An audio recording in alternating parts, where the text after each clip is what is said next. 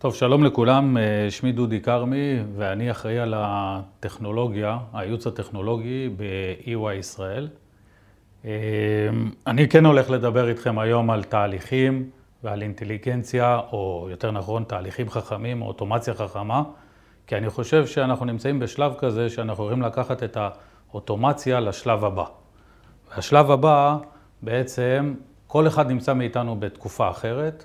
ב-life cycle או ב-journey של האוטומציה.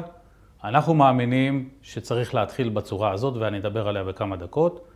יש כאלה שכבר נמצאים ב-pipeline, operation model ו-build, והרבה התחילו משם, אבל אנחנו כן חושבים שצריך לבצע קודם כל אסטרטגיה, מה המטרה של האוטומציה, לראות באמת אם רוצים להיכנס לזה, כי זה באמת להיכנס למהפכה. היא חלק מה, מה, מהמהפכה של הטרנספורמציה הדיגיטלית, והיא כוללת בעצם חמישה שלבים שכמובן כל הזמן חוזרים על עצמם, אבל קודם כל אנחנו צריכים להגדיר את האסטרטגיה של ה-intelligent automation כדי לדעת מה אנחנו רוצים להשיג.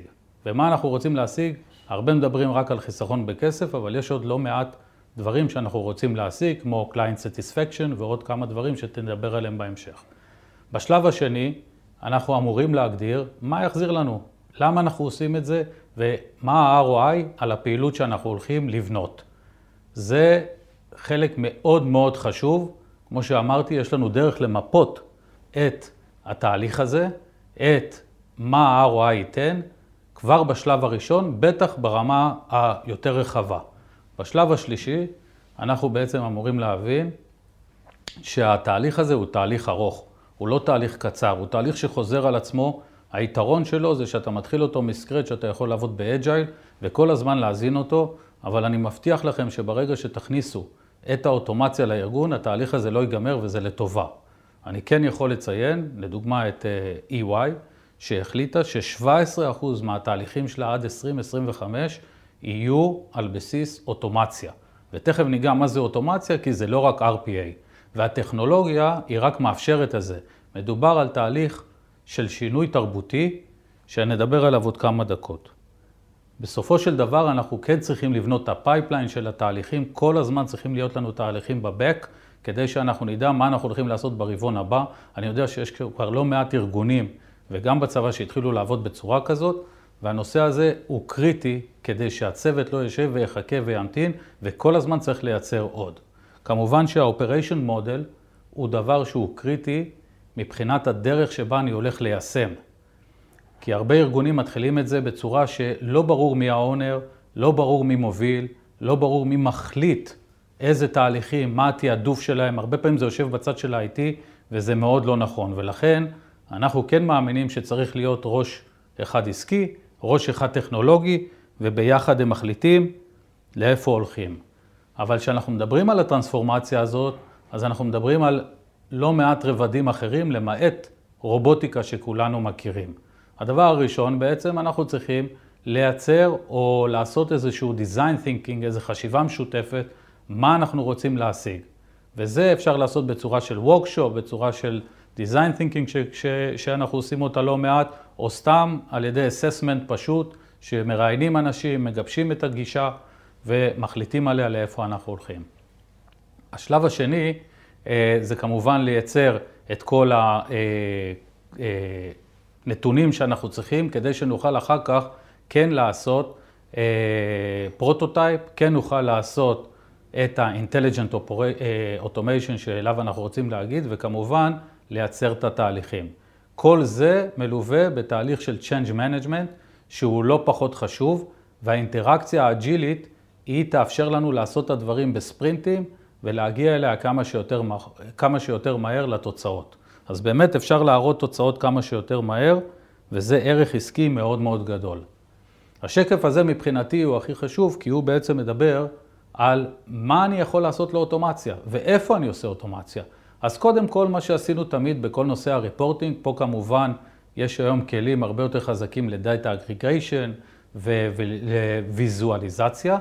בנוסף לזה, אנחנו יכולים כן להכניס את הנושא של Advanced Analytic ולעשות Advanced uh, Predicting Analytic כדי לחזות כל מיני תוצאות. לא מעט ארגונים היום מתעסקים עם זה הרבה מאוד, למרות שהקוביד די שינה לנו את זה, כי קצת קשה לחזות מה יקרה בקוביד.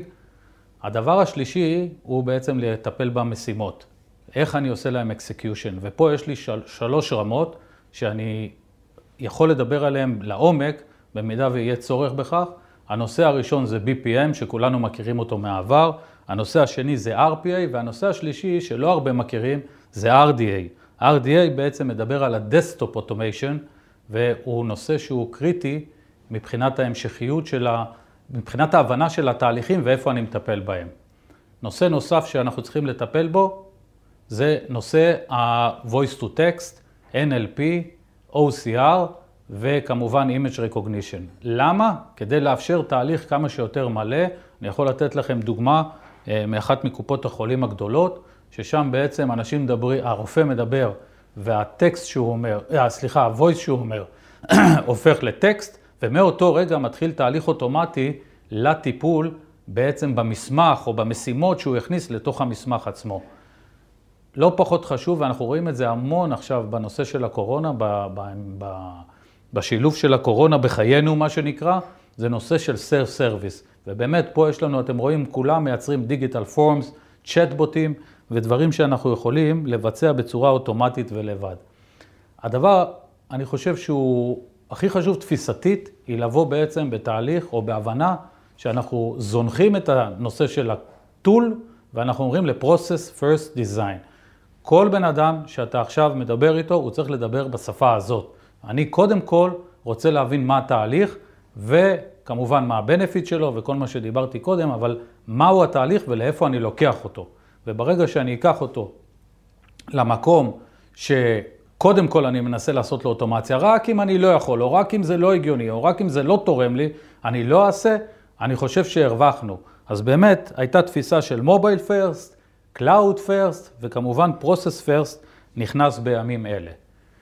מכל זה שבעצם ה-Process First מכניס לנו אה, את התפיסה הזאת של Full Automation, אני מזכיר לכם את הכלים שדיברנו עליהם קודם, זה מה שאנחנו קוראים Automation Toolkit, שהוא כולל את ה-Self-Service, וכולל את ה-BI, וכולל את ה-Task Orchestration אה, ו-Execution, שזה ה-BPM וה-RPA וה-RDA, כל זה ביחד מאפשר לי לבנות לתמוך בעצם בתהליך של ה-process first, שמדבר קודם כל על input, אחרי זה processing, אחרי זה design, ובסוף notification. זה end-to-end uh, process. אם אני מסתכל על הלקוחות שלי, ויכול להיות בצבא או במקומות אחרים, הלקוחות הם שונים, עדיין אני כן יכול להסתכל על העובד בכל מקום, שהמטרה שלי היא בעצם לגרום ל-self-satisfaction, שהעובד יהיה מרוצה. בתקופה הזאת, הנושא של המחויבות של העובדים, דווקא בגלל שהם עובדים מהבית, ודווקא בגלל שהם פחות נמצאים במשרד, באינטראקציה של המשרד, או גם של הצבא, האינטראקציה או המחויבות שלהם יורדת. אחת הדרכים על ידי סלף, סלף סרוויס, זה לגרום אה, לעובדים להיות הרבה יותר מחוברים. בנוסף לזה, אם אני מכניס את הפרודוקטיביות שלהם, אז כמובן שהרבה יותר פרודוקטיבי זה לעשות את הדברים בצורה לבד, להתקדם לבד. אותו דבר זה כלפי הלקוחות. אותו דבר זה כלפי הארגון. אני יכול כן לדאוג לזה שיודעים שחברה מסוימת עושה הכל אוטומטי, זה מייצר את ה brand שלה, זה brand של חדשנות. אני יכול לתת כמה דוגמאות, אמזון ואחרים, שבהם העובדים מרגישים מאוד מאוד מזוהים עם הארגון. גם האחרים שמסתכלים עליהם, שהכל נעשה אוטומטי ולא נעשה בצורה אה, ידנית, והתהליכים הרבה יותר קצרים, ויש, זה מכניס הרבה מאוד פרסטיז'ה לעסק. בשורה התחתונה, כמובן שה management הוא הרבה יותר יעיל והרבה יותר טוב. קודם כל לא עושים טעויות. דבר שני, האוטומציה היא מאפשרת לזה שאתה תעבוד around the clock. אתה תמשיך כל הזמן לעבוד ואין צורך לעצור דברים. כמובן שאני גם אכניס את נושא ה-compliance, שבסופו של דבר אנשים לא יכולים לעשות מה שהם רוצים. דרך אגב, דווקא בנושא אבטחת מידע אני משפר פה מאוד את אבטחת המידע על ידי זה שמגע האדם, ולא תמיד מגע האדם הוא לחיוב, לפעמים מגע האדם הוא לשלילה, ואת זה אני בעצם מצליח לנטרל על ידי שילוב של, אה, שילוב של אוטומציה. זהו, אז תודה רבה לכם, אני מקווה שתצאו עם המסר שאנחנו מדברים על תהליך הוליסטי, תהליך שלם, צריך לטפל בזה בכמה נקודות. כל אחד בנקודת זמן שהוא נמצא, אפשר לתרום, אנחנו ב-EY נשמח לעזור לכם ולתרום לכם ולסייע לכם לבנות נכון את הפרקטיס הזה שנקרא Intelligent Automation. תודה רבה לכם.